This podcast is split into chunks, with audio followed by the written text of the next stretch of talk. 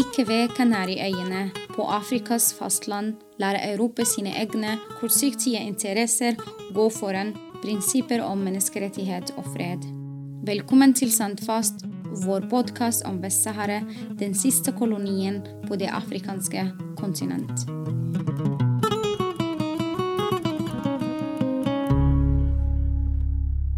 Googler man Vest-Sahara, dukker det opp flere begreper som beskriver territoriet Vest-Sahara. Noen steder står det at det er en koloni, andre steder står det ikke selvstyrt territorium. Andre ganger omtales det som omstridt. For å hjelpe oss med å få klarhet i hva disse ordene betyr, har jeg i dag med meg statsviter Hans Morten Haugen. Han har en doktorgrad i jus og har utgitt to bøker om internasjonale spørsmål som brukes på eh, høyskoler. Hans Morten har fulgt og publisert artikler om Vest-Sahara siden 90-tallet. Hans Morten, velkommen. Tusen takk. Jeg er veldig glad at du kunne være med oss i dag. Vest-Sahara, er det virkelig en koloni? Formelt sett så bruker man et annet begrep. Man bruker det ordet ikke-selvstyrt område. En koloni er vanligvis å forstå som Eh, helt prisgitt en annen stat, men hvor det da også er et krav om at det skal være et såkalt territorielt avstand, et såkalt saltvannsprinsippet. At en stat på én side av et hav har full kontroll over et område på den andre siden av et hav. Og eh, sånn at Vanligvis skal man snakke i FN-terminologi, så er altså da Vest-Sahara et ikke-selvstyrt område. Og hva er selvstyrt område for de som hører? Altså, FN-pakten bruker ikke ordet okkupasjon. Okkupasjon er et begrep som brukes i Genévekonvensjonene, som regulerer krigens folkerett. Det som også kalles internasjonal humanitær rett. FN-pakten bruker ordet ikke-selvstyrt område. Det er viktig å huske at FN hadde fire formål i FN-pakten. Det var fred, utvikling, kan si bærekraftig utvikling kanskje i dag, eh, menneskerettigheter og folkenes rett til selvbestemmelse. Og av disse fire områdene så kan du si at det er kanskje faktisk selvbestemmelsesrealisering som har vært mest vellykket. Altså det, det har vært eh, på mange måter en suksesshistorie, faktisk. Men hvilke rettigheter f.eks. har folket fra en koloni eller fra ikke-selvstyrte territorier? Ja. Sånn, hvilke rettigheter har folk fra Vest-Sahara, f.eks.? Altså vi, vi kan jo starte med hva den såkalte beskyttede befolkningen i en koloni har. De har en status som beskyttet befolkning. Og det betyr ganske mye hva gjelder f.eks. tilgang, eh, beskyttelse i forhold til eiendom eh, osv. Men for å snakke om hva befolkningen i et ikke-selvstyrt område har, og det er det som FN bruker om Vest-Sahara, eh, så handler det om at de har et krav på at en administrasjonsstat skal ivareta deres interesser og rettigheter. Det står det veldig tydelig. Det er litt mindre detaljert kan du si, hva dette betyr. Eh, det er mer bestemmelser om hva en okkupasjonsbefolkning, altså en såkalt beskyttet befolkning, eh, har krav på. Eh, det er litt mindre spesifisert i FN-pakten hva befolkningen i et ikke-selvstyrt område har krav på. Ja, Vi, vi snakker om okkupasjonsmakt. Vi bare går litt tilbake, fordi Vest-Sahara var en spansk koloni. Hva med Spanias ansvar rent folkerettslig? Nei, altså Spania allerede på 60-tallet fikk pålegg fra FN om å forberede en avkolonisering av Vest-Sahara. Det skjedde da etter hvert. da startet Spania en folketelling. og Den startet i 1974. Denne folketellingen eh, ble gjennomført nokså eh, langt. Men så stoppet folketellingen i 1974. Fordi at da fikk eh, Den internasjonale domstolen et mandat til å utrede et spørsmål og da valgte man å ikke komme med noen eh, innblanding i den prosessen. Sånn at da stoppet Spania folketellingen i 1974. Og så kom da denne domstolen i Haag, altså folkerettsdomstolen, med sin rådgivende uttalelse i oktober 75. Og det var jo da en, en vurdering som, eh, som, tok stilling til både om Marokko og om Mauritania mm. hadde territorielle forbindelser til dette territoriet som allerede tidligere var, ganske, altså, var helt klart avgrenset eh, fra spanske kolonier rundt. Dette var altså en spansk koloni, og var også de siste 15 årene en spansk provins. Mm. Eh, og, eh, Og Spania utøvde da fulle myndigheter i dette området. Eh, og så var det da franske kolonier i områdene rundt. Men det var veldig klare grenser mellom den spanske Sahara og disse franske områdene rundt. La oss vinkle det litt til Norge. Og sånn En grunn at vi lager denne episoden, fordi for mange, altså f.eks. Marie som sitter her ved siden av oss, elitetekniker, og flere som går på skole eller universitetet, så har kolonitider noe fra fortida. Altså, folk klarer ikke å forholde seg til noe som er kanskje veldig fjernt fra de. Og jeg håper at altså, du kan hjelpe meg å forklare hvorfor er det viktig for nordmenn og Norge å det med respekt med folkerett. Mm. Sånn, den norske regjeringen sier at den støtter folkeretten internasjonalt. Hva er egentlig forpliktelse til statene i verden, slik som Norge i en av avkoloniseringsspørsmål som dette? Det er to FN-konvensjoner om menneskerettigheter, begge to fra 1966. Mm. Den ene konvensjonen om sivile og politiske rettigheter, og den andre om økonomiske, sosiale og kulturelle rettigheter. De har likelydende formulering i den første artikkelen som nettopp går på selvbestemmelse. Og artikkel 1 paragraf 3 eh, sier at alle statene har en plikt til å arbeide for ikke-selvstyrte folks rett til selvbestemmelse. Og denne plikten er særlig sterk for administrasjonsstatene. Og I tilfelle, i tilfellet Vest-Sahara så er det jo sånn at Litt rart, men allikevel så er det sånn at, at det, er, altså det, er, Spania som rent legalt har denne myndigheten, altså administrasjonsstatsmyndigheten. Eh, men Spania skrev et brev i 1976 eh, hvor de sa at de ikke ville utøve denne myndigheten. Det var en erklæring fra Spania som FN bare mottok og arkiverte. Eh, og det som er realiteten i dag, er at det er Marokko som for en stor del, altså 80% ca. av territoriet, utøver myndighet som da ikke-legal myndighet. Det er Rent faktisk så er det sånn at det er Spania som er juridisk administrasjonsstat. På samme måte som Øst-Timor. Altså, jeg tenker at Den mest interessante sammenligningen, mm. eh, men også forskjellen, er på, mellom Øst-Timor og Vest-Sahara. Øst-Timor var jo en portugisisk koloni mm. med en stor nederlandsk koloni kan se, i områdene rundt. Øst-Timor er, altså, Timor er jo en øy den er delt i Øst- og Vest-Timor. Og Vest-Timor var da noen nederlandsk koloni. Øst-Timor var portugisisk koloni. Mm. Eh, også i Øst-Timor var det altså Portugal som tidligere kolonimakt som fikk administrasjonsmyndigheten over Øst-Timor. Og det som skjedde med Portugal, eh, er interessant. Fordi at når Indonesia og Australia begynte å inngå avtaler som vedrørte havet utenfor Øst-Timor på 90-tallet, eh, så gikk Portugal til internasjonal domstolen i Haag og, og, fikk da en kjennelse om at denne såkalt Timor Gap Treaty, altså avtalen om Timor-havet, eh, ikke var gyldig. Eh, den var inngått mellom Australia og Indonesia, men domstolen kjente avtalen ugyldig.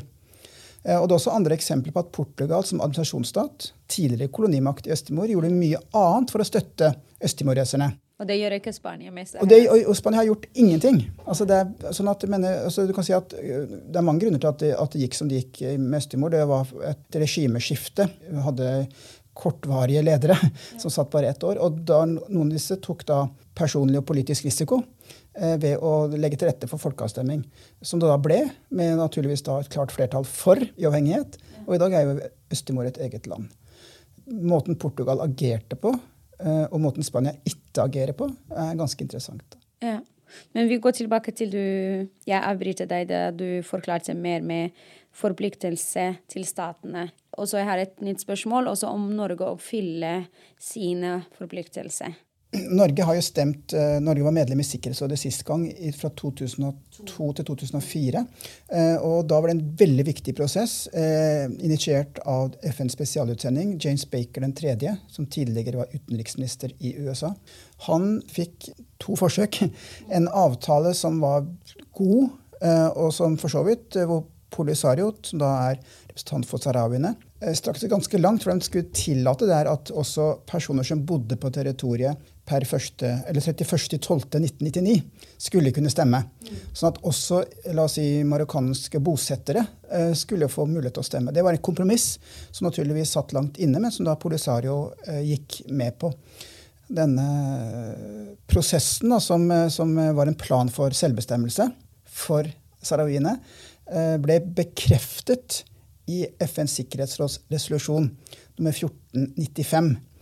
Og Norge stemte for, sammen med alle andre land. Alle 15 land i Sikkerhetsrådet stemte for eh, i 2004. Ett land eh, var imot. Marokko. Ja, ja. Så Til og med Frankrike stemte for.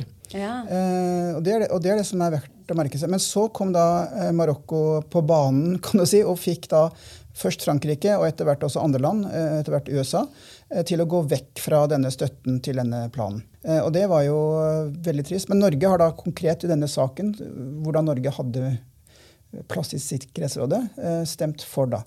Altså, jeg har kritisert Norges frarådning til selskaper. For, eksempel, for at Der bruker Norge begreper som situasjonen, bruker begrepet begreper som befolkningen eh, osv. Og, så og jeg tenker jo at der kunne man ha sagt eh, Man kunne ha sagt okkupasjonen, eller i hvert fall eh, ikke selvstyre. Eh, Eller altså situasjonen, Ordet 'situasjonen' sier jo egentlig ingenting. Eh, og man kunne brukt 'folket' istedenfor befolkningen. For det er folket, og det sahrawiske folket, som har rettigheter. Eh, sånn at, eh, men det at Norge har en frarådning, er jo bra, eh, hvis man kan si det sånn. Den er ganske vanskelig å finne på hjemmesidene. Eh, og det at Statens pensjonsfond utland eh, regelmessig ekskludere selskaper eh, fra sitt eh, investeringsportefølje, er også positivt, kan man si da. Eh, man sier jo naturligvis at Statens pensjonsfond ikke er et redskap for utenrikspolitikk. Men det, er- jo viktig at, at Norge har en, en lang vil jeg si, og ganske konsistent praksis med å ekskludere selskaper som profitterer på situasjonen i Vest-Sahara ved å hente ut da fosfat, og noen eh, som har vært involvert i oljeeksplorering. Ja. Eh, Hans Morten, tidligere i år hadde du en kronikk på trykk i avisen Dagen, eh, der du understrekte at konflikten i Vest-Sahara ikke handler om et opprør mot staten Marokko. Hva legger du i det? Det som eh, finnes i hele Afrika, er jo opprørs- og separatistbevegelser. Og eh, det er veldig viktig å skille mellom en bevegelse som har folkerettsbasis for sitt uavhengighetskrav, som saharawiene har, og en vanlig opprørs- eller separatistbevegelse. Eh, Saharawiene er ingen separatistbevegelse. Eh, eller Polisario er ingen separatistbevegelse. Saharawiene står ikke for en separatistkamp, eh, men står for altså, en re realisering av folkeretten. Rett og slett. Så det er, det er så enkelt som det. Ja, Eh, for eksempel noen folk Noen ganger så hører du folk si Vest-Sahara lignende som Catalonia. Kan du forklare sånn Nei, Hvorfor altså- er det to forskjellige saker? Altså det, er, eh, det, er, det er sånn at FN er ganske tydelig på hvordan kolonibefolkningen skal behandles. Man skal avkolonisere, og man skal gi den eh, koloniserte befolkningen rett til å avgjøre sin framtid, sin skjebne, kan du si, da, gjennom en fri og rettferdig folkeavstemning, som da aldri blir gjennomført i Vest-Sahara. Eh, Sånn at det er eh, Catalonia er jo da en, en del av Spania som, eh, som kanskje motvillig la oss si sånn, ble innlemmet på samme måte som eh, Det finnes jo provinser i Frankrike, men som da ikke er tidligere kolonier. Sånn at det er status som tidligere koloni som gir da sahrawiene denne spesielle statusen. Eh, Og i dag så er det riktig å si at, eh, at det er egentlig nest, det, altså det finnes i alt 16 såkalte ikke-selvstyrte områder. Eh, Vest-Sahara er det absolutt største. Eh, Men det er riktig å si at det, disse har da som sagt status som ikke-selvstyrte områder. Ja. Eh, og da kan du si at de som da er på en måte okkupert, da vil du snakke om kanskje Palestina da, som, eh, som okkupert land. Noen vil trekke fram eh, Krim, f.eks. Andre vil trekke fram Nord-Kypros. Eh, det er da eksempler på hvordan man ofte i hvert fall snakker om eh, okkupasjon.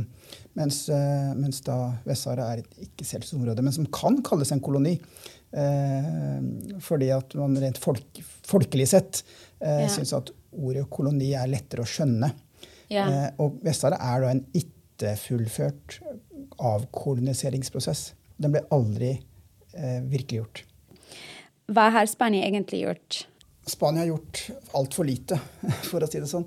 Um, det interessante er at siste tre-fire år har det kommet interessante dommer eh, fra Spania som sier altså rett formelt at Spania er den administrasjonsstaten, har dette ansvaret. Og eh, sånn at Det finnes jo naturligvis sterke bevegelser, støttebevegelser for Vest-Sahara i Spania. Den spanske regjeringen derimot, for å si det veldig enkelt, og dette er på tvers av blokker altså, Jeg vil nesten si at uh, sosialiststyret i Spania har vært mer pro-marokkansk enn mange borgerlige styrer i Spania. Uh, har jo da vært av de absolutt ivrigste forkjemperne for uh, at EU-Marokko-avtaler skal omfatte Vest-Sahara. og det er jo noe som Sverige f.eks. har vært den sterkeste aktøren mot. Mm.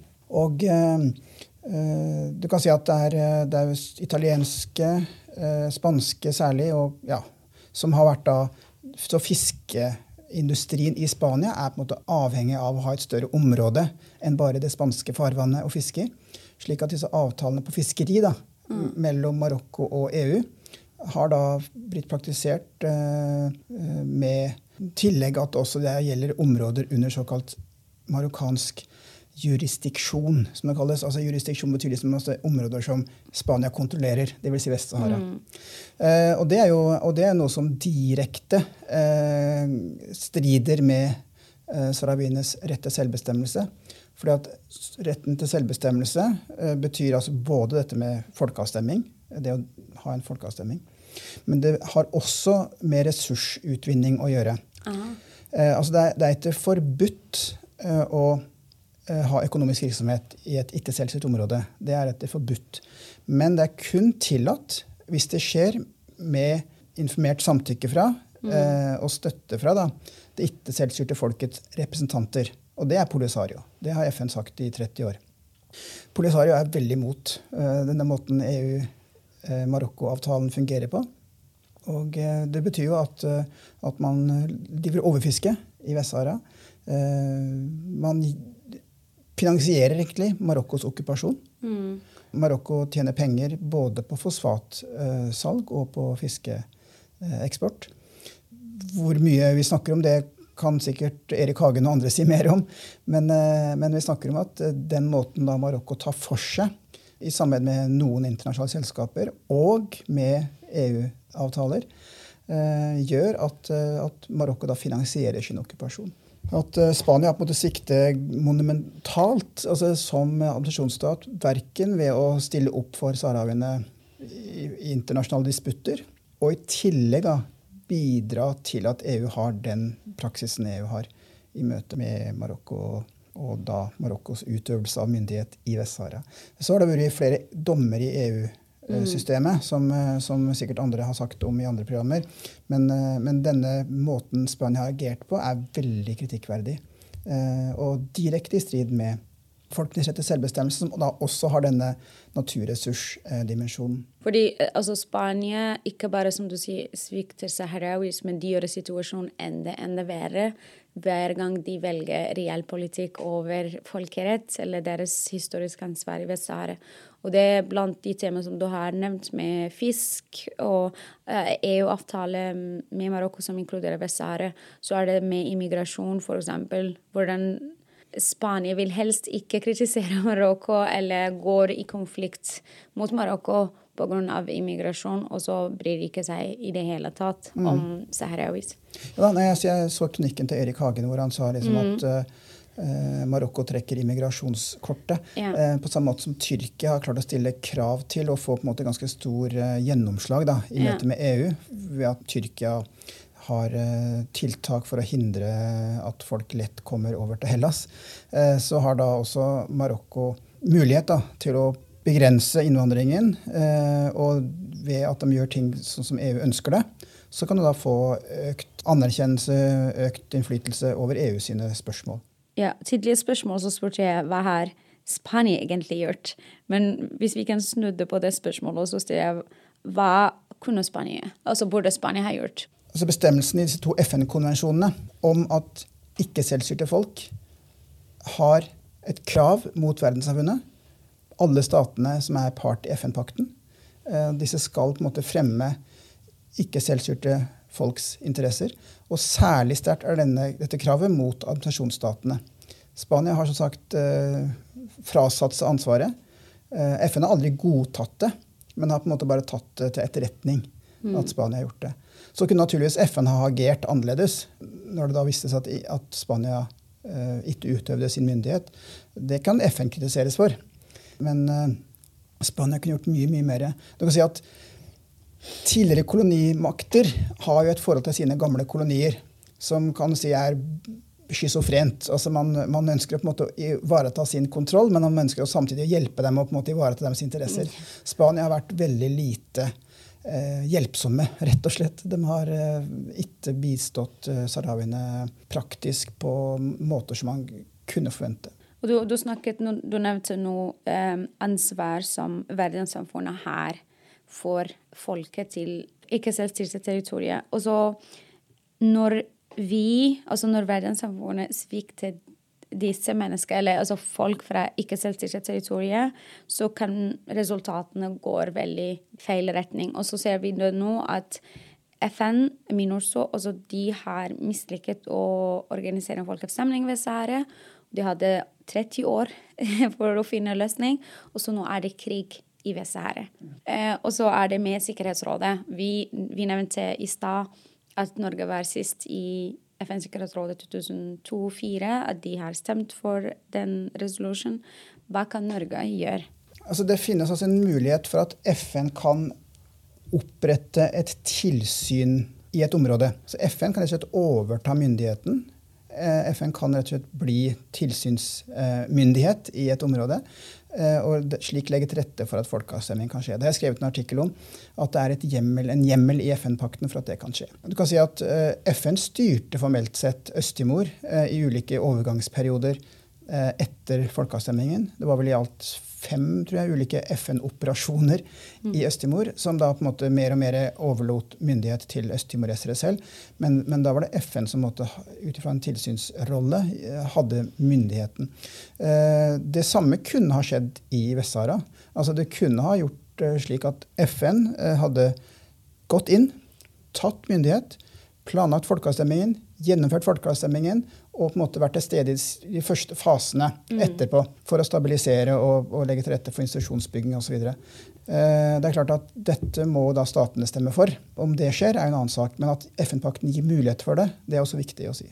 Eh, Norge eh, Nå er vi på nytt medlem i Sikkerhetsrådet, som alle vet. Og det er klart at Norge kan på eget initiativ fremme forslag inklusive dette forslaget jeg nå nevnte, at FN eh, ser at dette fører ikke fram. Marokko vil ikke eh, mm. gjennomføre en folkeavstemning. Eh, og da må FN, etter min oppfatning, eh, bruke sin myndighet og sitt mandat mer aktivt. Norge kan ta dette grepet. Naturligvis må de bygge allianser for det. Og naturligvis vil det bli noen som er sure. yeah. Men, eh, og det kan hende at Frankrike eksempelvis da ikke vil gjennomføre det. Men, eh, men det handler på en måte om å rett og slett forsøke å bygge forståelse, bygge allianser osv. Hans Morten, tusen takk for at du kom i dag. Tusen takk. Hvis du vil lære mer om konflikten, gå til vest-sahare.no.